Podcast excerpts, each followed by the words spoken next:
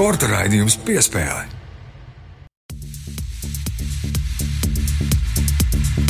Latvijas radio pirmais kanāls, sporta raidījums piespēle, studijā Mārtiņš Kļavnieks un eh, Mārs Bergs. Māri prieks, ka esam atgriezušies pie karaļiem un karalienēm. Šoreiz ne par karali, bet par karalieni, par vieglatlētiku runāsim šajā raidījumā, tāpēc ir īpaši viesiņu studijā. Jā, tieši tā turpinām jau iepriekšējos raidījumos kaut kādā mērā aizsākto tematiku par Parīzes Olimpiskajām spēlēm, par gatavošanos tām, kā Latvijas sportisti gatavojas šiem startiem, atbildīgiem. Četri gadi svarīgākās sacensības ir priekšā pēc nedaudz vairāk kā pusgada. Un šoreiz viesos pie mums studijā ir pirmā Latvijas sportiste, kurš šovasar vispār kvalificējās Olimpiskajām spēlēm. Tā ir šķēpmetēja Līna Mūza Sirmā. Līna, sveicināta! Sveiki, Līna! Sveiki! Jā. Jā, nu, uh, tu nesen atgriezies no treniņa nometnes. Uh, varbūt īsumā pastāstīji gada beigas, kur tu biji, ko tu, pie kā tu strādāji, ko jūs tur darījāt. Jā, um, tieši tā es pirmo nometnes, kā saka, ieskrējienu tieši aizvadīju Spānijā. Tās bija divas nedēļas kopā ar fizioterapeitu un Zigismundu, ar Hardiju Romanovski, kas mums šogad arī bija pamatā galvenais fizioterapeits.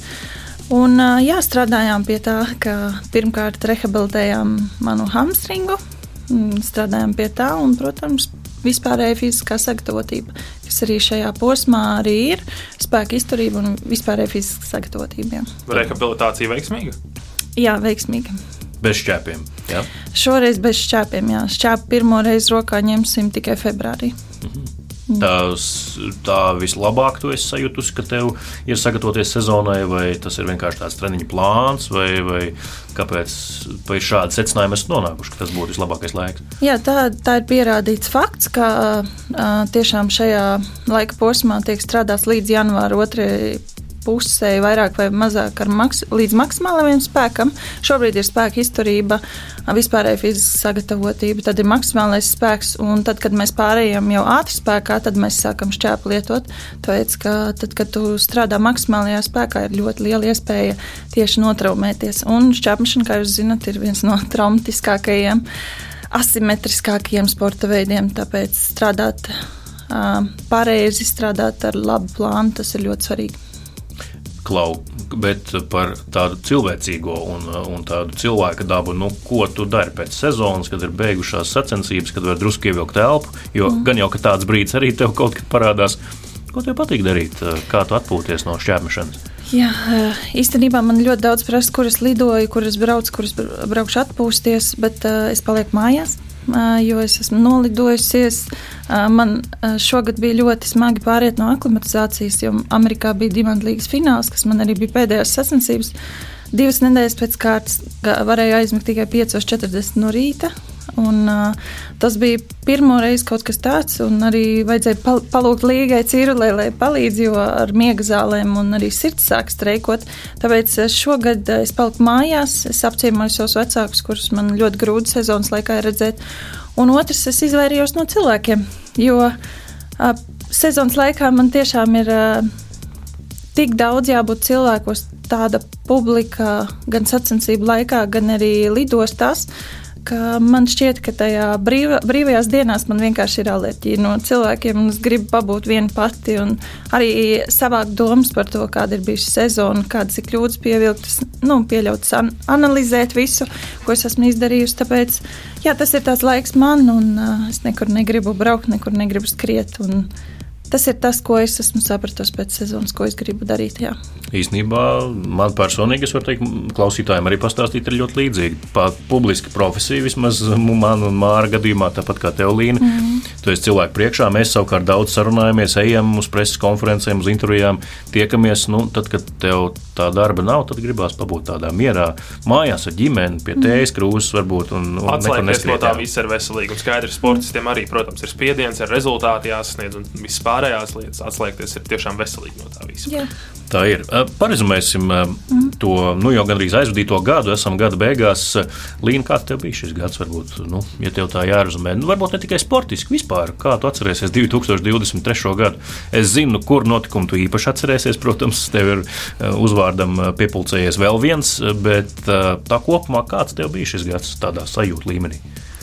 Es teiktu, šis ir otrais gads pēc kārtas, kad es varu lepni teikt, ka man ir labākā sezona karjerā. Un es esmu ļoti pateicīga par, gan par sasniegumiem, gan arī par mācībām, ko es šo sezonu saņēmu. Jā, es teiktu, ļoti stabila sezona kopumā. Um, mana stabilākā vispār. Arī olimpiskais normatīvs, kas ir teiksim, tā, man, mans lielākais sasniegums šo sezonu. Un otrais droši vien tas rūkums par pasaules čempionātu finālu, bet lielais prieks par kvalifikāciju, kas saņēmos, un arī pirmā latvieta, kura uzvarēja kvalifikācijas sacensības, kas arī ir tāds, tādā nozīmīgā. Piemēram, manā dzīves posmā, manā karjeras laikā tāds notikums nav bijis, un arī, ka es saņemos kvalifikācijā uz trešo metienu, tas arī nav bijis. Tāpēc psiholoģiski es varētu sev, sevi ļoti, ļoti um, paslavēt. Uh, Bet no fiziskās puses, jā, diemžēl sanāca satraumēties kvalifikācijā, tādēļ finālā. Godīgi sakot, es vēl finālā nezināju, kas esmu notraumējusies. Man liekas, ka ir tikai atspiests muskulis, jo tur bija izveidojusies tas um, asins izplūdums 10 cm lielumā. Man liekas, ka tas ir vai nu samasēts vai atspiests. Nekādā gadījumā nedomāju, ka man varētu plīst muskuļi, jo tas man nekad nav bijis noticis. Bet skaidrs, ka formā es biju labā, un tā arī tas notiek. Un tā laikam ir tāda tā rūktākā puse, ko es varētu teikt sezonas laikā. Bet jā, esmu Līnmūrs Sirma. Um, arī pirmajās sacensībās ar jaunu uzvārdu, ko Zīsmans man arī ir um, devis, uh, izpildīts Olimpiskais normatīvs. Tas ir ļoti skaisti un noteikti. Jā, esmu pateicīga sportam par to, ka es esmu satikusi savu mūža mīlestību. Manai sievai bija interesanti pasi mainot, ka bija jā, jāraksta jaunais uzvārds jaunajā mm. pasē, un ID karte arī bija jāmaina.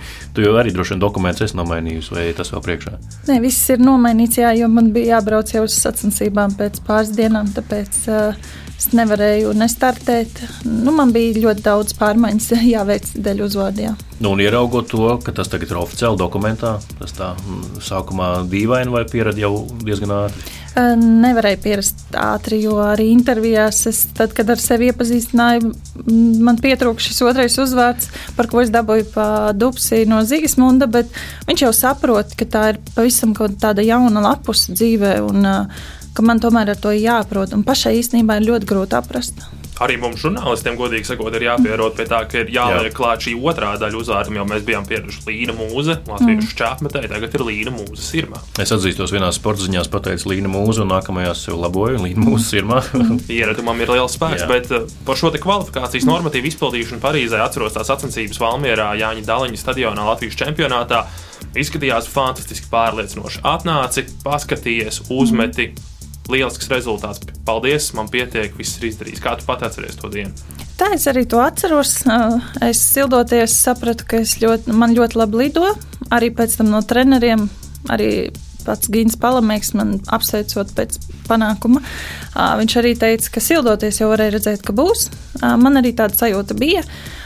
Man tajā dienā nebija vairāk ko pierādīt. Tad, kad es izdaru kaut ko, ko es esmu mērķi, uz mērķiecīgi jau gājusi, es pasaku paldies. Tas nebija pasaules čempionāts, nebija Eiropas čempionāts, tas bija nu, Latvijas čempionāts, kurā pa lielam ar uzvaru uzvarēja. Tas arī pietika. Jā. Bet beig beigās, ja, ja pēc Latvijas viegli, ja varam ticēt Latvijas Vieglatlētikas Savienības datiem, tad mm. trešais labākais metiens karjerā, vismaz oficiālās sacensībās. Jā, tā arī ir. Tā arī sanāk. Jā. Bet Tas tur runāja arī par, par psiholoģiju, par sevis salikšanu pa plauktiņiem. Mm. Tu jau esi izteikusies arī publiski, ka tu strādā ar psihologu. Iepriekš sāk jau pagājušajā gadā jāstrādāt.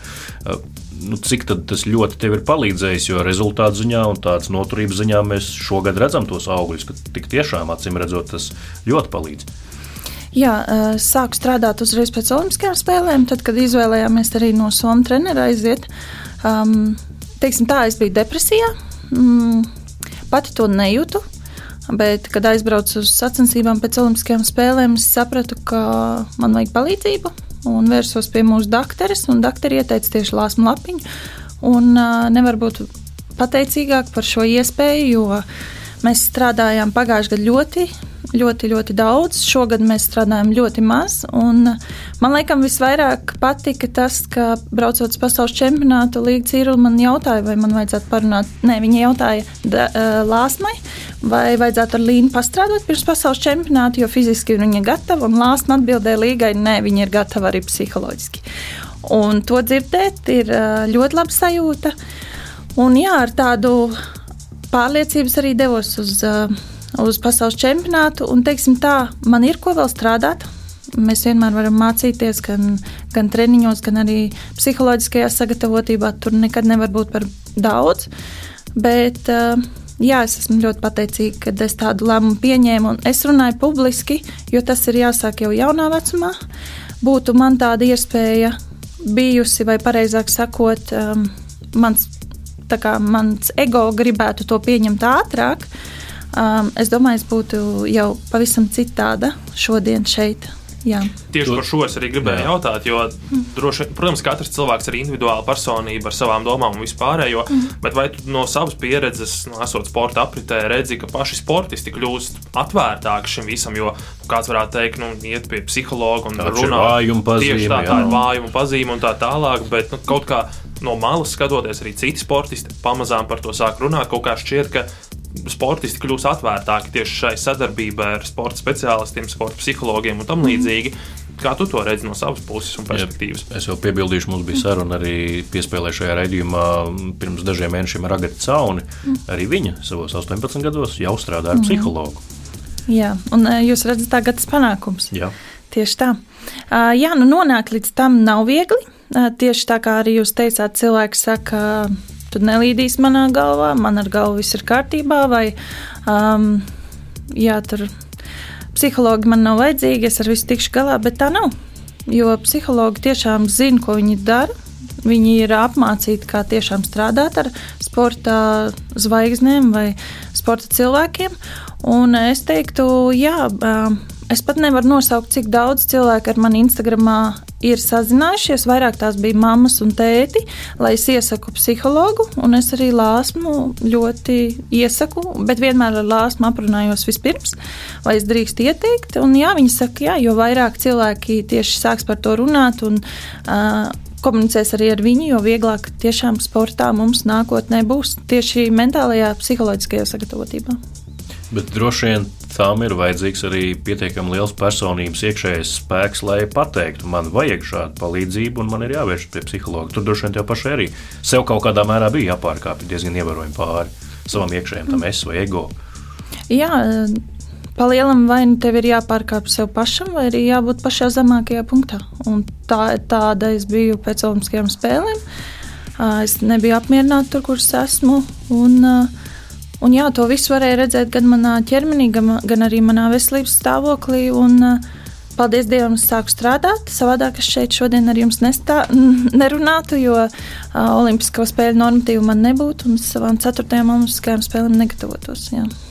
Vismaz startēt ceturtajās. Jā, bet uh, trijās es startēšu, bet četras es skaitu, jo izpildīju uz četrām. Jā. Kas liekas ļoti daudz, vai ne? 4,4 gadi. Tomēr. Tas Jā. nav maz. Tas, Jā. tā ir ilgmūžība. Un arī, kā jau minēju pašā sākumā, šķēps tomēr ir traumatisks sporta veids. Un atgādināsim radioklausītājiem, ka līnija joprojām ir ļoti jauna. Nav jau tā, ka viņi ir veterāni. Jā, es tieši par šo varētu pieminēt, ka ļoti daudz cilvēki, jūs arī vakar cilvēki uzzinot, ka manas pirmās olimpiskās spēles bija 2012. gadā, viņiem ir šoks, un viņi prasa, cik man ir gadi, es saku, man ir 30. Un es saku, ka es vēl gatavojos savām vismaz vēl divām, ja, manā prātā. Ja. Nevar zināt, tomēr Barbara līdz 42 vēl izturēja. Un, uh, to, ko es sapratu arī pēdējos divos gados, ka es vienkārši sāku jaunu. Es vienkārši parādīju rezultātus, ļoti augsts rezultāts, ļoti jauna. Um, 17 gados 60 metri, 60,5 metri. Uh, visi pasaules čempionāti, Eiropas čempionāti, es uz viņiem visiem kvalificējos arī pēc uh, alkoņa traumas, kas bija 2014. gadā. Um, pēc trim mēnešiem izpildīju kvalifikāciju uz Eiropas čempionātu. Uh, tāda sajūta vienkārši, ka līnija mūsu sirmā ir garsts, ko nevar salauzt, un uh, es tā arī turpināšu. Jā.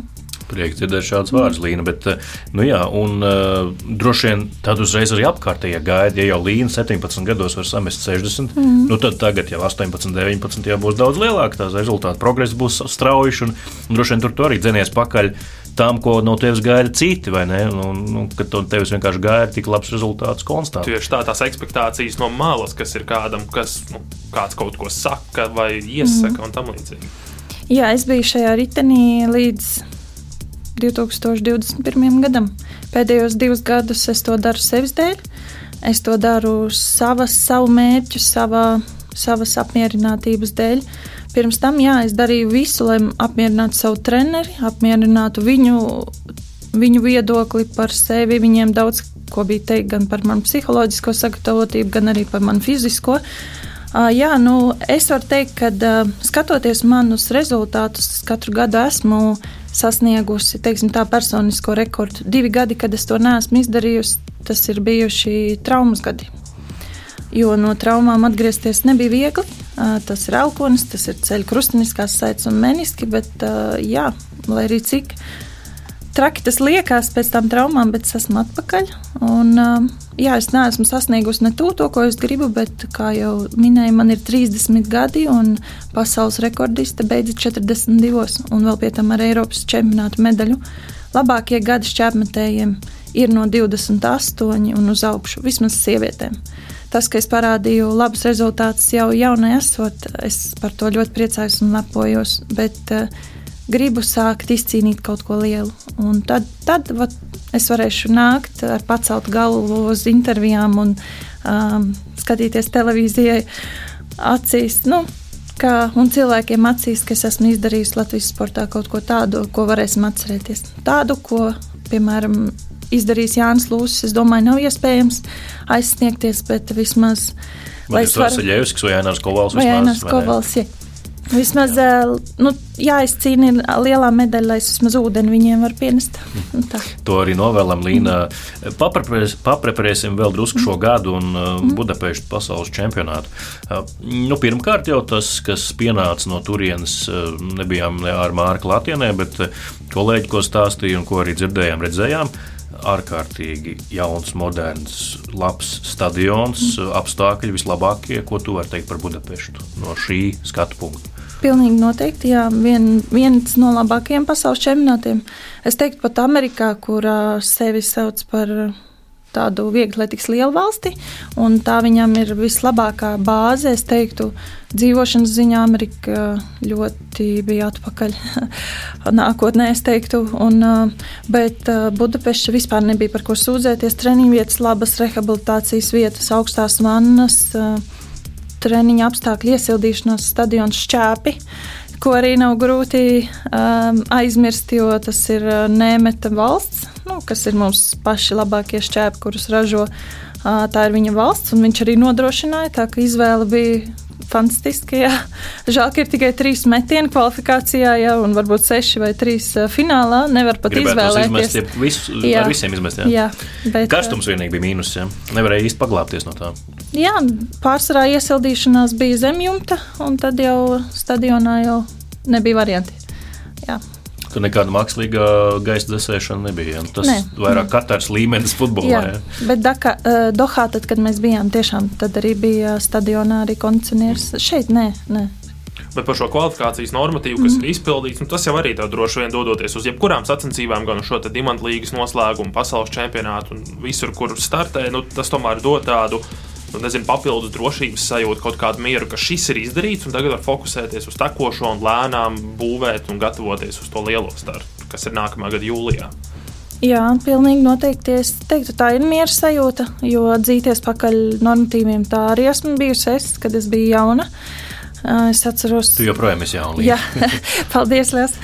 Bet, jā, starp citu, tā runājot, tas liekas tik, tik traki. Jā. Bet es esmu piedzīvojis tik daudz, 14 gadu profesionālajā sportā. Man jau liekas, tas ir tik. Pieredzējusi, ļoti pieredzējusi. Jā, es esmu jau ar pieredzi. Un, jā, un, jā man, man ir vieglāk šobrīd, teiksim tā, normatīvi izpildīt jau tajā brīdī, kad tu vari izpildīt, tas ir daudz patīkamāk nekā skriet līdz pēdējiem brīdim, jo daudzreiz tā enerģija tiek vienkārši iztērēta un nepietiek spēka tām galvenajām sacensībām. Bet arī nedrīkst atslābt. Un, tas ir tas, ko man Zīsmans katru dienu treniņā pēc olimpiskā normatīva atkārtoja. Ok, tu esi sasniegusi vienu lietiņu, ko tu gribēji. Ir ķeksīts, bet nedrīkst atslābt, jo lielie, lielie mači vēl tikai priekšā. Un katru dienu viņš man to atkārtoja. Un, jā, un ar to man laikam ir ļoti paveicies, ka Zīsmans ir mans treneris. Jo viņam gan ar pārliecību, gan ar psiholoģisko noturību ir daudz, daudz labāk. Un ar tādu cilvēku trenēties un ar tik mierīgi pārliecinātu treneru. Trenēties ir daudz foršāk. Eiropas čempions kā nekā Zīsmans ir bijis savas karjeras gaitā. Jā, jā visās vecuma grupās. Jā. Tu jau daļai atbildēji šo mm. jautājumu, bet uh, Zigismunds un treneru darbs, viņam piestāv sanāk šis profils. Jā, jo tiešām nu, bijušie sportisti, ne, arī augsta līmeņa bijušie sportisti nevienmēr sanāk labi treneri, un varbūt citreiz zemāka līmeņa sportists sanāk izcils treneris. Mm -hmm. Teiksim tā, es viņu gribētu redzēt uh, sportista amplitūnā. Tā ir mana. Kā mēs visi, jā. Jā, un uh, tā ir lieta, ko es teiktu. Viņš trenējas sev, un es gribētu, lai izdodas varbūt atgriezties. Viņš un... jau pieļauj tādu domu. Ja? Tā ir viņa paša, bet uh, katrā ziņā kā treniņa biedrs man, viņš rāda labus treniņus, augstu klasi, pietrieks tikai šķērsmešana, un tā ir pats svarīgākā. Uh, tur atkal vajag pēc pleca traumas tomēr pārliecību atgriezties, zināt, ka mm, plecs nevienā brīdī netraucē un nesāp. Uh, Bet, eh, jā, Zigsmunds kā treneris, viņš ir ļoti mierīgs, ļoti pārliecināts. Viņš uh, vārdus nemētā, bet viņš tāds arī kā sportists ir bijis. Ar viņu nav grūti. Viņš var arī tevi likt mierā, ja tu arī nu, palūdz. Un viņam nav tas stress un uztraukums, piemēram, kas ir pierasts. Es atceros, ka dažreiz mans treneris Kimo varēja vienkārši noģīrt, tāpēc viņš gāja tālākajā stūrī. Vai arī nu, trenerīte, jā, trenerīte teica ļoti daudz. Uh, Pa čaņķiem sauc, un tā, nu, kas arī ir labi. Un, uh, starp citu, jā, nu, ir katram ir tā sava, un pagaidām man strādā tas, ka viņš ir tik mierīgs. Kā jūs nodalāt uh, nu, viņš tomēr ir arī tavs dzīves biedrs, vīrs, eh, nu, kur, kā to robežu novilkt. Jo, nu, tas varētu būt ļoti grūti. Nu, ir uh, hokeja treneru tēvi, kuri trenē izlasē savus dēlus, uh, basketbolā tā ir bijis. Mm, nu, daudz kur jau tas notiek, bet droši vien tas nav tik viegli. Nu, šobrīd tu esi treneris Zigismunds, pēc tam tu esi vīrs Zigismunds, tagad mm. tu esi audzēkņa līnija, pēc tam tu esi sieva līnija. Nu, kā to atdalīt, kā tā organiski to, to, to nošķirt? Agrāk man likās, ka tas ir iespējams to nošķirt un uh, mājās nerunājam par sportu, bet nē, tā ir uh, laikam mūsu dzīve šobrīd jau vairākus gadus, un es teiktu, mēs sportu nesam mājās. Mēs tikai uh, esam izšķirojuši, ko mēs nesam mājās mēs pārunājam mājās nometnes, treniņu programmas un veselību, jo mums ir ļoti daudz rehabilitācijas aparāti paši, ko mēs esam dzīves laikā sapirkuši. Un šīs ir tās lietas, ko mēs pārunājam. Katram ir jāuzliek savas procedūras uz sāpīgajām vietām vai vai arī treniņu programma, kā mēs, pie kā mēs brauksim, kur mēs strādāsim. Tās ir tās lietas, ko mēs mājās tomēr runājam. Nevar neatnest, diemžēl. Lai arī cik ļoti mēs pirms tam mēģinājām, bet šobrīd dzīvojot tādā ļoti mierīgā vispār atmosfērā. Tas neko daudz neietekmē. No vienas puses jau arī labi. Jūs viens otru lieliski saprotat, kā tas ir būt šajā pozīcijā. Jā, tieši tā. Jā, nu, laikam tas ir stāsts nevis, ka Jums ir jāpārslēdzas no individuālas būšanas, treneris vai audzēknis, un pēc tam mājas cilvēks, ģimenes loceklis, bet jūs vienkārši esat komanda mm. gan sektorā, gan arī mājās uh, kopīgi veidojot to savu stāstu. Tas, laikam, ir tas atslēgas vārds. Mm. Līna, mēs nevaram neparunāt, jo pieminēja trenerīti Valentīnu mm. Eiduku, lai viegli smilts. Um, šis raidījums skan svētdienā, pirms divām dienām arī um, Valentīna Eiduka ir uh, no viņas cilvēki ir atvadījušies. Kā tu atcerēsies trenerīt? Nu, par tiem čaņķiem vai, vai kaut ko citu, kas ir tas viņas, nu, kas paliks atmiņā tev, piemēram? Jā, es esmu audzēkne, kura pavadīja pie treniņa, manuprāt, visīsāko laiku no visām. Es teiktu, es ļoti gribētu, lai tiešām viņas bērni, kurus viņa sauca, gan tas bija Vadims, gan arī Sinta, gan Zīgis, lai viņi izteiktu vairāk ainās, protams, un arī pēdējos divus gadus uh, Anita ar Patriku. Uh, bet es noteikti atcerēšos ar to, ka sieviete ar tādu krampi sportā un pārliecību, ar kādu viņa gāja, ka viņa nevarēja ietekmēt ne, ne vīrieši augstāk stāvoši, ne, ne citi treneri. Tādu cilvēku ir ļoti grūti sastapt dzīvē vispār, un no viņas ļoti daudz mēs mācījāmies. Un tas ir tas, ko es noteikti atcerēšos. Un, protams, viņas labā humora izjūta. Es uh, droši vien daudz lietas varētu izstāstīt, bet es negribu stāstīt, ja nu gadījumā tas uh, kaut kādā ziņā varbūt nedrīkst, uh, nedrīkst cits dzirdēt. Bet viņa tiešām viņa rūpējās par šķērmešanu. Un ko es varu pateikt uh, par viņu, ka viņa veltīja visu dzīvi sportam, uh, visu dzīvi šķērmešanai. Un man ir sāpīgi redzēt, ka šobrīd teiksim tā, viņi ir aizgājusi un mūsu paši labākie, leģendārākie cilvēki šķērmašanā šobrīd atdusas jau turpat augšā. Un, jā, tas liek padomāt par to, vai mēs kādreiz varēsim vispār aizsniegties līdz tam, ko sasniedza Ines Jaunzena, Jānis Lūsis un Valentīna Eiduka savā dzīves laikā. Un, jā, mums jābūt pateicīgiem par to, ka mūsu dzīves ceļi krustojās. Es uh, dzīvi dzīvoju ar tādu pārliecību, ka mēs cilvēkus satiekam ne tāpat vien. Un, lai arī tas ir uz īsu brīdi vai uz ilgiem gadiem, bet mēs no viņiem ļoti daudz mācāmies. Un mums vajag tomēr šīs mācības atcerēties un turpināt izmantot dzīvē. Un es ļoti ceru visas lietas, ko viņa man mācīja, visus vārdus, ko viņi man sacīja, man dzīvē noderēs, ne tikai sportā. Pirmais treniņš pie Valentīnas Iedukas. Līna atnāk nobijusies, vai tu atceries vispār to dienu, to reizi? Jā, laikam tā bija treniņu nometne, jau kad man bija kaut kādi 15 gadi vai 16 gadi. Tas bija sen, sen atpakaļ. Diemžēl es to tik labi neatceros, bet es atceros, ka es biju 2012. gadā palikusi bez trenera. Uh, un es aizbraucu uz Eiropas čempionātu, jo man Un, uh, man nebija trenera un līga cīra, man arī tā teica, ka, uh, ko mēs ar tevi darīsim, tev vajag kādu treneri. Un es pie Valentīnas Eidukas nonācu netīšām, um, esot Eiropas čempionātā um, Helsinkos, un pēc tam jau Olimpiskajās spēlēs es biju zem viņas, kā viņas komandā. Jā, pieci šķērsmetēji no viņas mēs bijām Londonas Olimpiskajās spēlēs, un tas ir milzīgs sasniegums. Es domāju, nevienam pasaulē tā nekad nav bijis un nebūs. Arī Janam Železniekam tā nav. Jā, nu, tiešām Valentīna Eiduka šajā aspektā ir unikāla, jo būtībā nu, visi tevi, visi labākie Latvijas čēpmetēji kopš neatkarības atjaunošanas, nu, tādā jaunāko laiku griezumā, 21. gadsimtā, kaut kādus savus karjeras posmus ir pie viņas pavadījuši un trenējušies. Gājuši caur viņas rokām, jā, jā. Saka. Tāpēc, ka viņa skaitās kā augstas klases trenere, augstas klases sasnieguma trenere.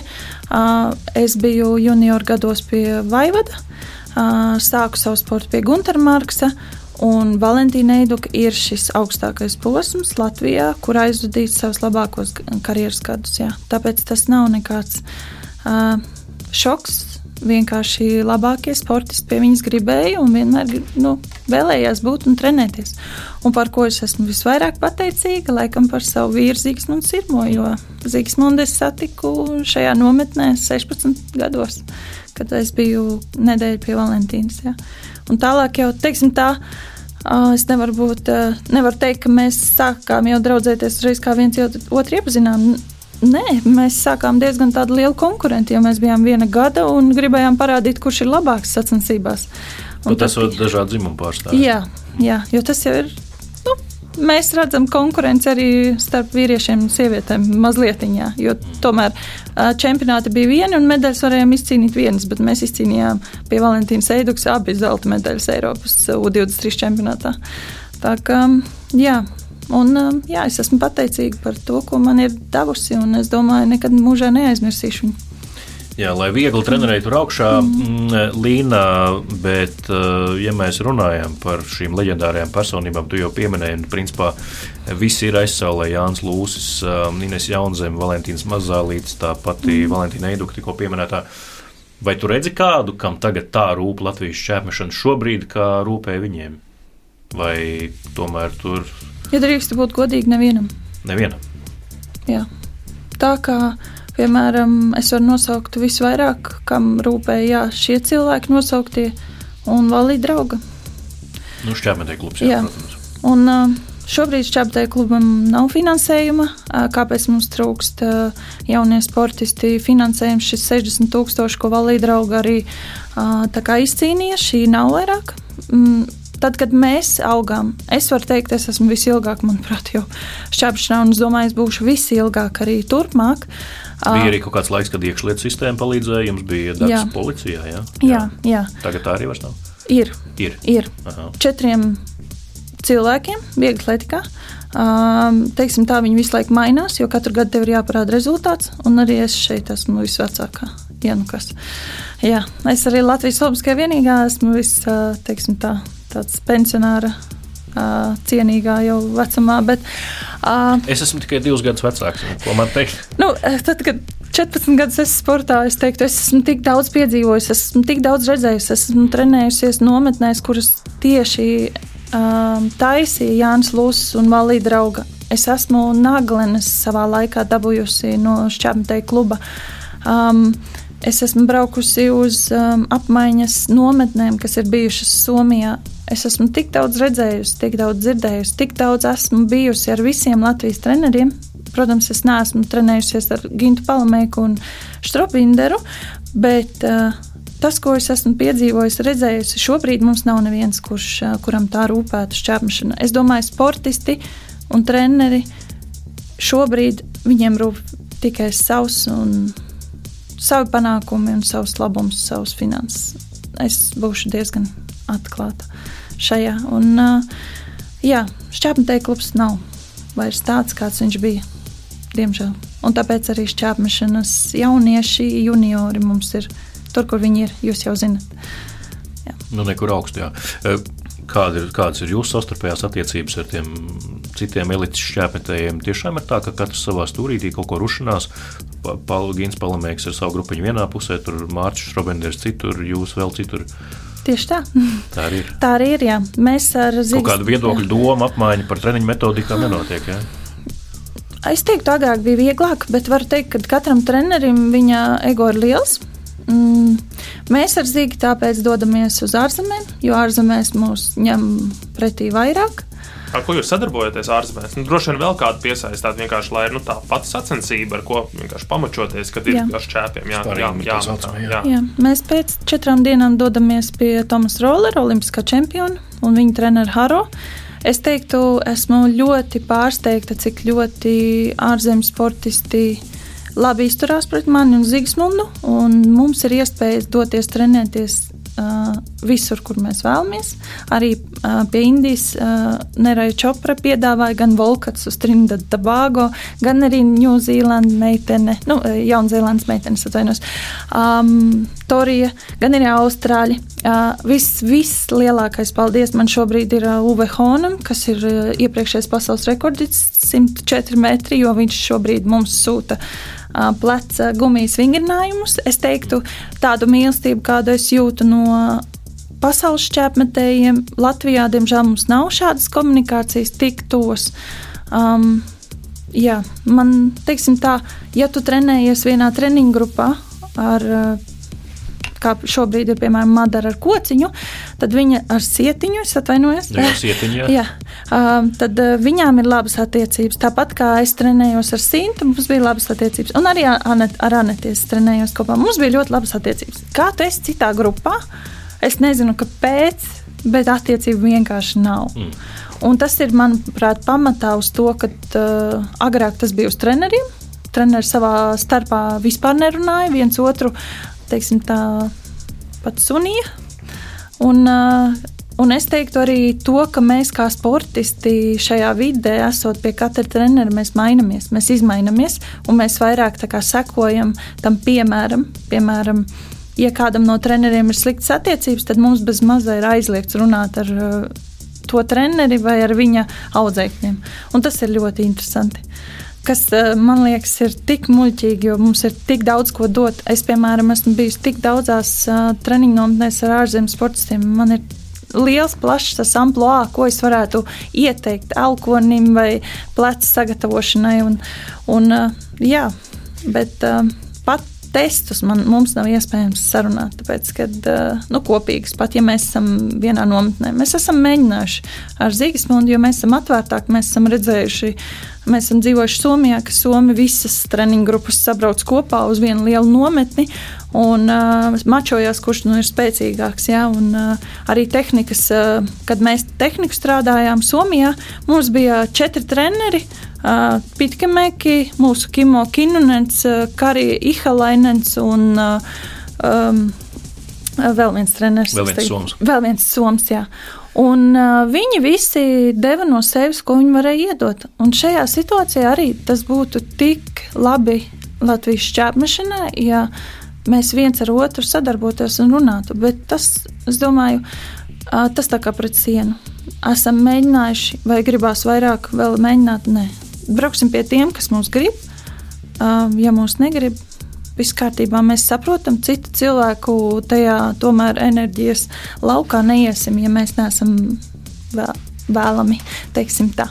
Mazliet es gribēju paturpināt par šo šķērpmešanas geogrāfiju, kas šķietami, skatoties no malas sacensības, ir krietni paplašinājusies. Minēju šo Indiju, Vācija ir, Vācija ir tradīcijas, bet Vācija atkal ir uzmirdzējusi, kā šķērpmešanas lielvalsts. Ir Austrālija, ir Jaunzēlande, Trinidad un Tobago.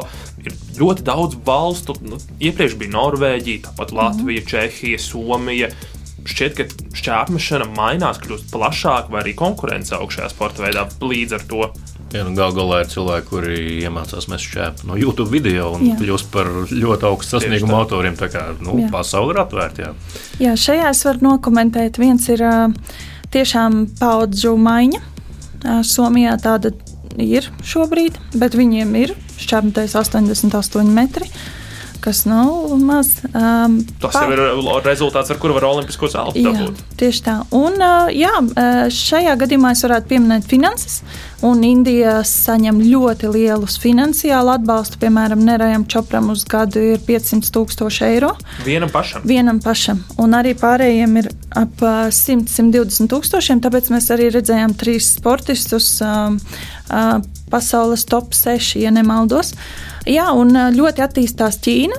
Um, mūsu treneris arī strādā Ķīnā, jo tie ir uh, 100 tūkstoši gadā, un Ķīnā ir jābūt tikai 6 mēneši. Tad uh, iedomājieties, ja mūsu treneris saņem aptuveni 14,000 labākajā gadījumā, kas ir A sastāvā. Uh, piedošana, pat daudz pateicu, 24, 12 tūkstoši dalās uz diviem.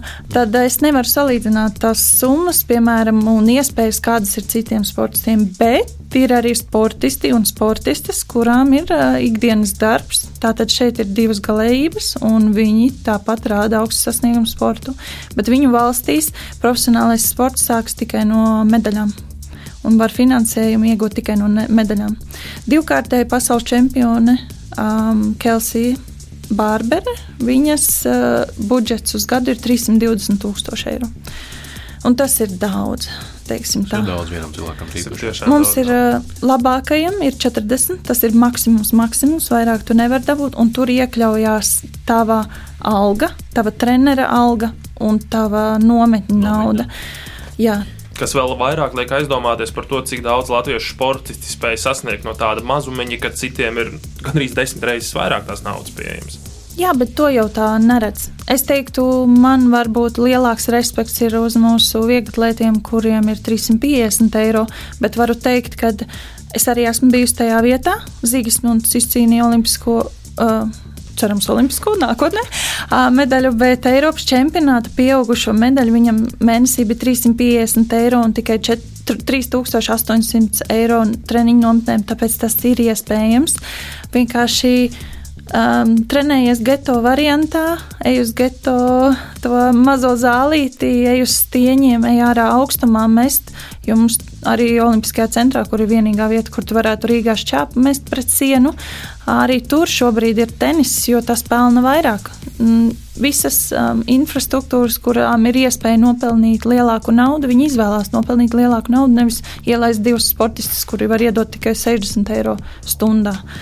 Tā kā jā, nu šī ir tā situācija, varbūt sāpīgā, bet uh, mēs Mēs ar Zigismundu esam arī Covid laikos atraduši savas iespējas. Mēs neejam lūgt palīdzību, mēs izdarām paši, jo es zinu, ka to mums vajag nevis kādam citam. Tāpēc arī mēs īrējam garāžu, kurā ir 8 metri um, griesti. Zigismunds ļoti labi metina, tāpēc visas štangu piesēdienu statīvu, to visu viņš ir pats uztaisījis, pievilkšanās statīvus. Kā vienā radio intervijā tu man stāstīji, tad tu savukārt piecako tur ar kaut kādām skaistumlietiņām. Jā, visu, ja? es uh, organizēju visas pirkšanas. Es pērku medicīnas bumbas, gumijas, štangas. Uh, uh, ripas. Jā, mums ir katram savi darbi, ko mēs varam, lai mēs varētu kārtīgi trenēties. Un, un tas ir tas, ko mēs darām priekš sevis, nevis priekš citiem. Un tas ir tas svarīgākais un neejam, nelūdzam palīdzību, jo zinām, ka tas tāpat tu jutīsies slikti, jo tu jūties lūdzēja lomā, un otrs tu vienmēr dabūni, nē, mums nav. Nē, mums nav finansējuma, mums pašiem grūti. Un, jā, priekš kam tērēt lieka enerģija, tāpat laikā zīves sametinās. Aizbraucam uz metāla apstrādi, viņam tur ir pazīšanās, metāla palēto un aiziet paldies Dievam, cilvēki ik pa laikam mūs atpazīst, jo tad mēs mūsu inventāru varam iegādāties mazliet lētāk. Mm. Un par to arī mēs esam ļoti pateicīgi. Jā, nu to sāpīgo tematu jau pieminēja, ka nav infrastruktūras, kur jums vispār mest to šķēpu Rīgā, arī Latvijā kopumā. Pie Dāngas stadiona janvārī sola atklāt jaunu vieglatlētikas manēžu. Vai tur šķēpmetēji kaut ko varēs darīt? Kā, ko tu esi dzirdējis? Es domāju, ka mēs tur varēsim darīt, bet um, tas pirmais jau jautājums nesen mums sapulcē bija ar Vieglatlētikas savienību, ka ar 1. janvāru noteikti mēs nevaram nākt. Um, Visticamāk, tas varētu būt februāris. Tas ir tāds mans minējums, tāpēc, ka sacensības ir jau ieplānotas. Tas nozīmē, ka viņiem ir jābūt vaļā. Jā. Uh, tas ir liels prieks, godīgi teikšu man nelikās manā mūžā, manā karjerā būs šī manēža. Un šis stadions, es ļoti, ļoti ceru, ka nākotnē mēs varēsim ar futbolistiem sadalīt šo zālāju, jo ir vietas, kur mēs nevaram mest šķēpu, jo ir šīs apsildes trubas. Es nezinu, vai šis ir plānā. Ir Daugavs stadionā. Nu, tad tas mums izmaksās dārgi. Jo cik Vēnspīlī mums bija gadījumi, ka gribējām uziet uz galvenā stadiona, un viņi teica, viens dūriens ar lielo šķēpu 8000 eiro. Un tad tu riskē pa lielam, tad tu labāk ej un trenējies tajā rezerves, kas ir pie viesnīcas. Nu, jā, mums būs šāda rezerves stadions, tad, jā. jā, bet tomēr tā sajūta lielajā stadionā atkal nebūs.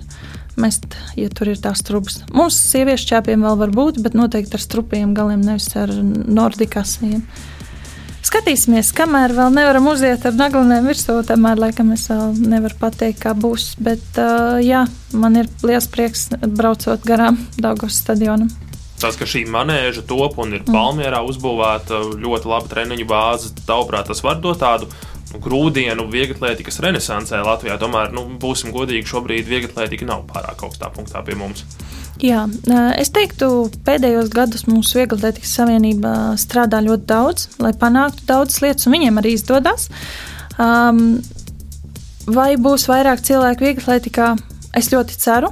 Es ļoti ceru, ka nebūs pārbāzta, jo jūs iedomājaties vienīgā manēža Rīgā. Uh, Zīgs jau plāno varbūt jau sākt piecos, ja vērs vaļā. Jau tik agri, jā, jo gribam vienkārši, ja ir iespēja, tad strādāt uh, pilnvērtīgi, nevis nu, gaidīt uz uz daudziem cilvēkiem. Uh, ja tur, piemēram, būs tā, ka mēs pat nevaram izmest šķēpu, jo ir bijis arī gadījumi, kad mēs metam šķēpu un pēkšņi kāds pārskrien vienkārši pāri, jo viņš skrien aplīšus. Nu, tā, nezinot noteikumus šķēpšanā. Tas ir ļoti bīstami. Jā. Jā. Nu, jā, Tā ir. Un pēc tam nākamajā aplī pajautā, vai eh, jūs gadījumā man nenodursiet. Es vienmēr atbildu ar joku, un, ja es gribēšu, es noduršu, jo labi tēmēju. Bet eh, tā palielam man gaļa pietiek leduskapī. Eh, bet jā, nu es ļoti, ļoti ceru, ka viegli lai tik attīstīsies, bet lai viegli lai tik attīstītos, mums ir. Teiksim, tā elites atlētiem ir jārod, jārāda rezultāti. Ir jārāda, ka tas ir forši, skaisti, bet tāpat laikā tas ir briesmīgi un traumām pilns. Nevajag arī melot, kad ir tā kā mākonītis, ja debesīs. Skaisti un brīnišķīgi. Jā, jā, ir arī lietas, un ir tās dienas, kad zibeņo un kad tu vienkārši jūties šausmīgi un briesmīgi. Uh, bet uh, es gribētu redzēt daudz vieglas lietas, un man ir ļoti daudz piedāvājumu jau sākt uh, kā trenerei darboties, bet arī es esmu ļoti tieša un, teiksim, tā es zinu, cik daudz enerģijas varētu dot šiem bērniem, un tas nav ne tuvu to, ko viņiem vajag tieši šajā vecumā, kad teiksim, tā vispārīgā fiziskā sagatavotība, un tev ir jābūt visu laiku blakām. Tu nevari vienkārši bērnus atstāt vienus pašus un trenēties. Um, es domāju, pēc karjeras beigām tas noteikti varētu būt labs plāns. Mm, skatīsimies pēc tam, bet šobrīd es neesmu gatava jā, strādāt ar bērniem, jo es nevaru dot to, ko viņiem vajag. Tu droši vien esi dzirdējusi kaut kādas runas par šo, vai, vai vienkārši informācija līdz tevi, eh, tavām ausīm ir atnākusi. Eh, izglītības un zinātnīs ministrija arī domā par to, kā ilgtermiņā attīstīt sportu valstī, un uzsvers tiks likts uz masveidību, bērnu jauniešu sportu. Tāpēc nu, prioritātes būs futbols, basketbols, arī vieglatlētika. Tas ir pamats, pamats galu galā fiziskajai sagatavotībai, jebkuram sporta veidam. Tavuprāt, tas ir pareizi, ka uzsvers tiek likts uz šādu valsts prioritāti, tieši uz masveidību, uz bērniem. Mm, uz sportā kopumā. Uz valsti, kurā ir labākajā gadījumā divi miljoni cilvēku, laikam ne. Man vispār ļoti atšķirīgs ir tas do, domas, jo es esmu daudz ko redzējis, esot um, un braukājot apkārt. Um, bet profesionālajam sportam ir jāpaliek, jo kāpēc bērni to dara, tas ir tāpēc, ka viņi to redz pa televizoru. Viņi redz porziņu, un viņi grib līdzināties viņam, un viņi grib to, ko viņš saņem. Um, teiksim tā, skolas sports. Stu, nu, teiksim, tā, mums jau saknē vajadzētu sākt ar to, kas notiek ģimenēs. Palielam. Um, es esmu ļoti daudz braukājis uz skolām, un krasi atšķirās. Uh, kādus es bērnus redzu un ar kādu attieksmi viņi, piemēram, grib darboties sportā. Protams, uh, attīstoties arī šiem influenceru un mēdīju, teiksim, tā jomai, jā, jomai novirzienam. Visi, visi grib būt uh, ietekmēti. Jā, jā, jā, tad uh, mainās tas viss, bet uh, pamatā ir, es teiktu, sporta nodarbības. Tad, kad es redzu, ka atnāk meitenes tādos uzvalciņos, desmitajā klasē ar somiņām rokās. Uh, un pārējie ir sporta tērpos. Es viņām gāju garām un jautāju, jūs uz darbu? Hmm. Jo pa lielam, un viņa saka, ka viņām ir atļauja nepiedalīties, bet izskatās, ka varētu piedalīties, jo nekas jau slikts nenotiks.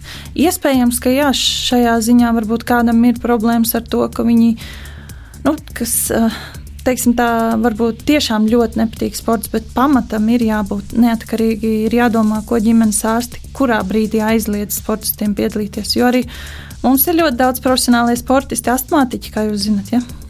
Jā, pēdiņās astmātiķi. Jā, pēdiņās astmātiķi. Un ir jādomā, manuprāt, tas sport, mīlestība pret sportu ir jārada mums, kas ir lielie sportisti, elites sportisti, jābraukā uz skolām un jāstāsta. Ir Gucijus tāds diskutējis lietuviešu. Viņš ir bijis jau 500 skolās Lietuvā.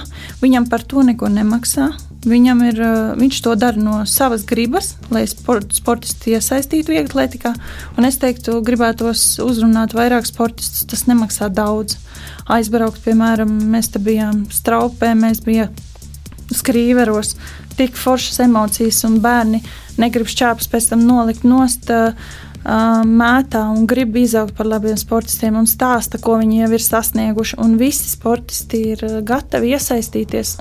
Es gribētu nu, mazie sportisti. Es, domāju. un es gribētu jā, uzrunāt tiešām sportistus, lai viņi brauc kaut vai uz savām pilsētām. Nevajag uzaicinājumu, vienkārši pats uzprasties, jo kā tad mēs tos jaunos dabūsim? Es saprotu, ka tev interesē tikai pabarot sevi, savu ģimeni, uzcelt māju un vēl, bet tas nemaksā daudz aiziet un iedvesmot kādu, kurš varbūt būs Jānis Lūsis nākotnē.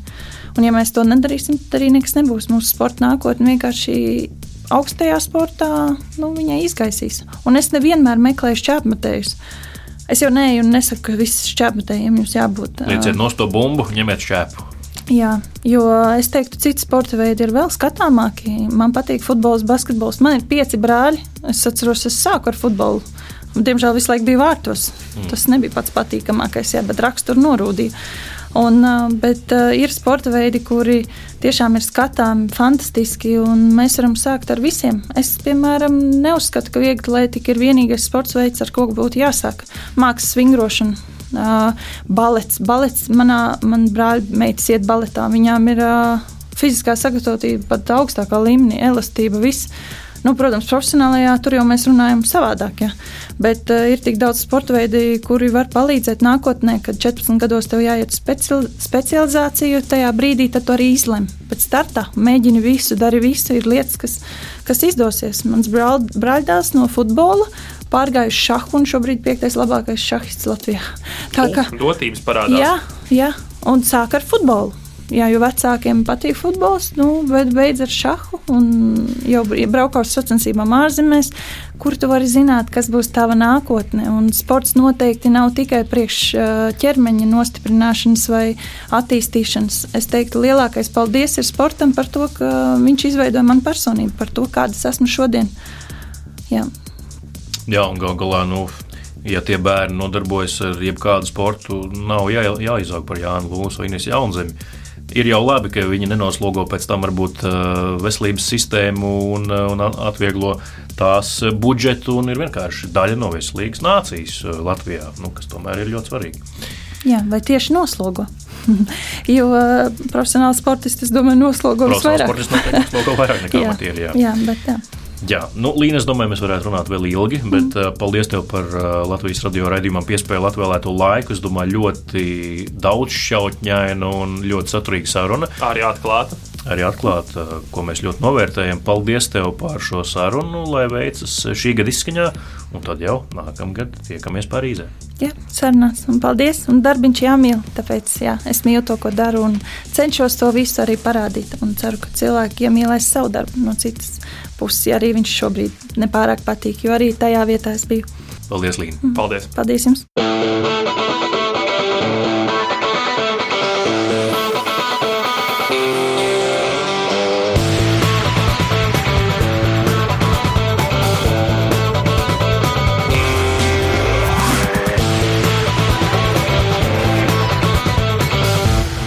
Sporta raidījums piespēlē.